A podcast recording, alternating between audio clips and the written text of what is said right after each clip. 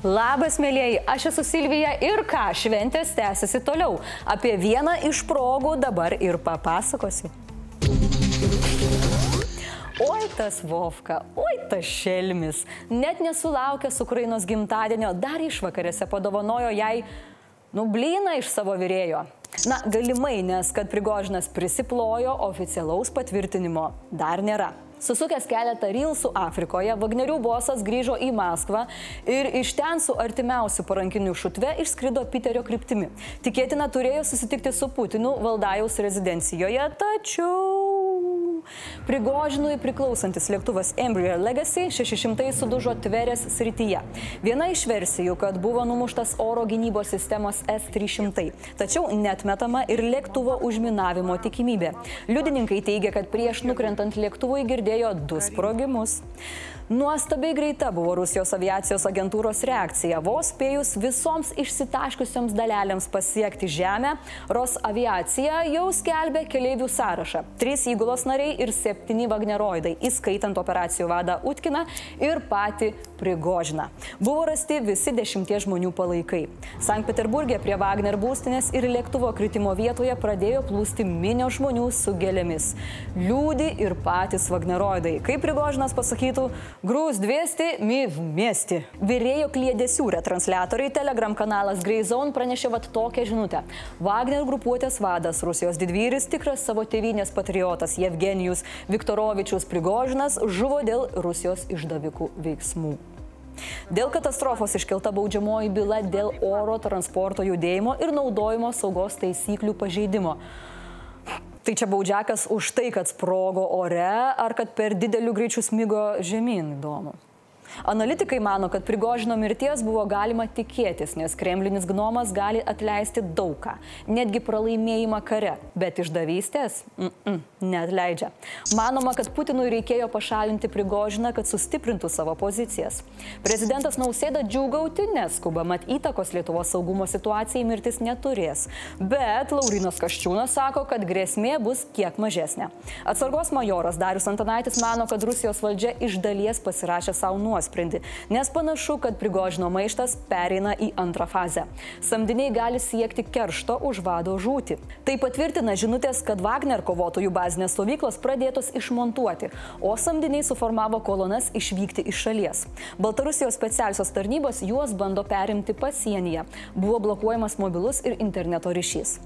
Įsivaizduokite, kaip jaučiasi mūsų ūsuotasis kaimynas, šitie kartų palikęs Putiną ant ledo, šitie kartų už nosies vedžioja kojas. Nu kaip dabar jam žmogui skristi lėktuvu? Mm?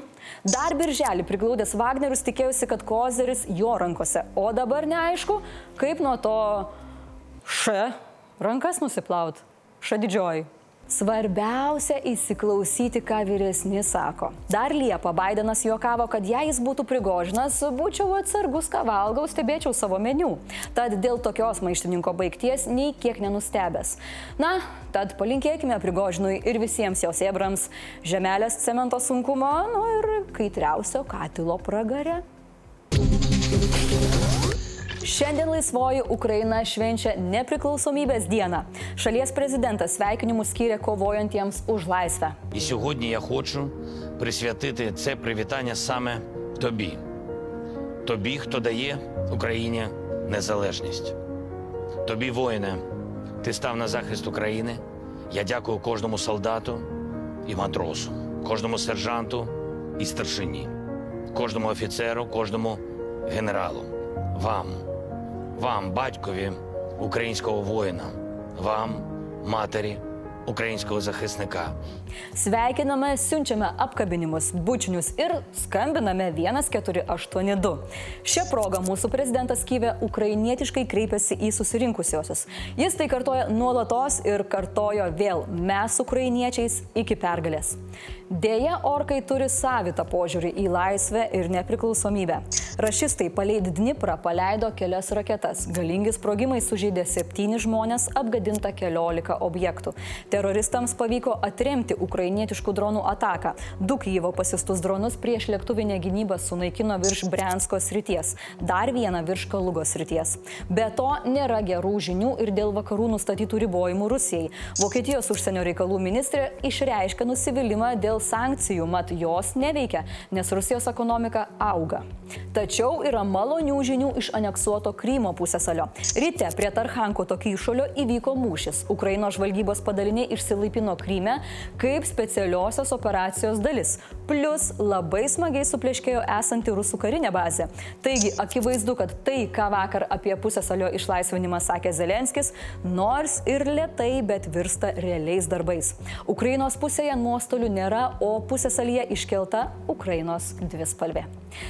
Dar ne viskas. Hersono srityje vakar buvo apgadintos trys Rusijos S-300 raketų sistemos, o tai reiškia, kad jie negalės jų naudoti nei gynybai, nei polimui. Tuo tarpu Ukrainos teritoriniuose vandenyse, netoli gyvačių salos, Rusijos naikintuvas bandė atakuoti Ukrainos karinius laivus ir buvo atremtas.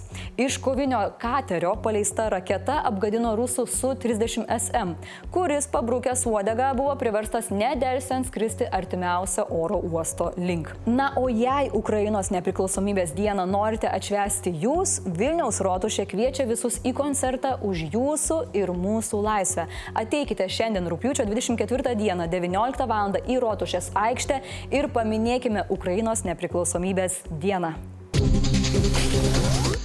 Pakalbėkime apie dar vieną karštą kovą ir šį kartą tarp mokytojų ir valstybės. Lietuvo švietimo darbuotojų profesinė sąjunga nutarė, kad nuo rugsėjo 29-osios rengs streiką. Prieš tai paleidę įspėjamą į streiką rugsėjo 15 dieną. Protestavimo trukmė nenumatyta, tačiau spėjama, kad viskas gali trukti ir mėnesį.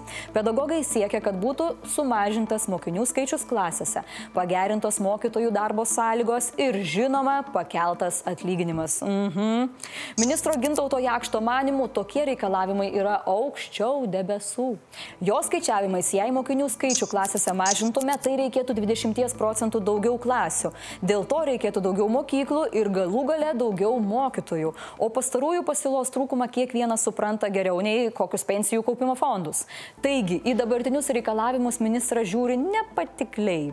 Jakštas patikino, kad ministerija neplanuoja tiesiog nusileisti ir nori diskutuoti. Jo Jo manimų streikas nėra geriausias pasirinkimas, būtina kalbėtis, nes iš streiko visi išeis kaip pralaimėtojai.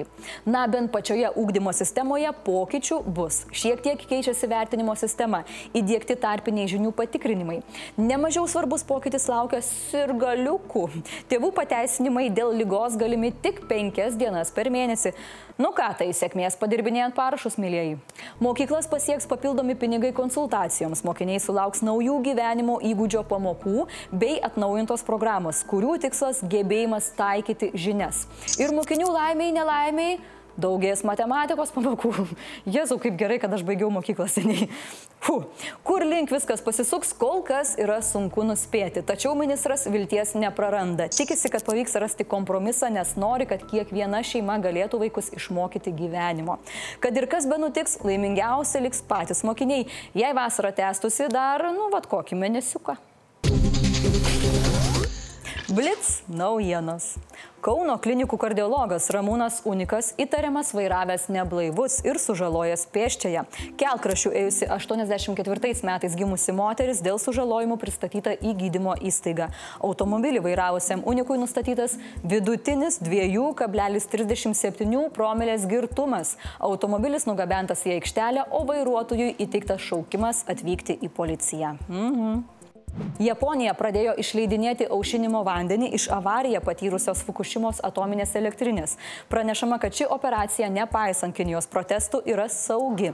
Per kelis dešimtmečius į ramų į vandenyną bus išleidžiama maždaug tiek vandens, kiek galėtų užpildyti 540 olimpinių plaukimo baseinų. Pietų Koreja sako, kad Japonija privalės per ateinančius dešimtmečius nuolat pateikti duomenis apie išleidimą. Kauno apygardos teismas atmetė savo vaikų pagrobimu įtariamo Mindaugo Vilčinsko skundą dėl jam skirto mėnesio trukmės suėmimo. Kauno apylinkės teismo nutartis palikta galioti, sprendimas neskundžiamas. Vilčinskas nelaisvėje bus iki rugsėjo antros dienos. Va taip va.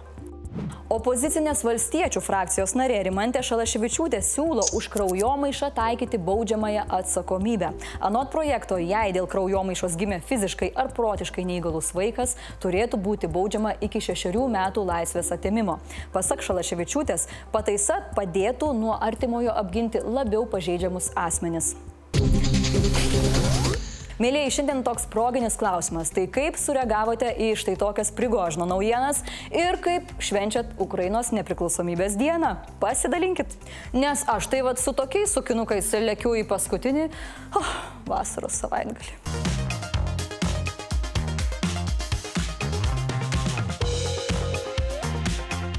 Komentarų metas. Mėlyjei, mes visi labai jums dėkojame, kad jūs pranešate mums karščiausias naujienas ir vakar po žiniomis parašėte komentarus, kad štai įvyko prigožino įvykis. Ir ačiū Jums taip pat tiems, kurie visada mus žiūri. Labai Jums dėkojam. O aš, ką, keliauju švęsti Ukrainos nepriklausomybės dienos, va toj paskambinsiu 1482 ir va toj keliausiu į Rotušę. Gal pasimatysim. Gero jums artėjančio savaitgalio tiek žinių.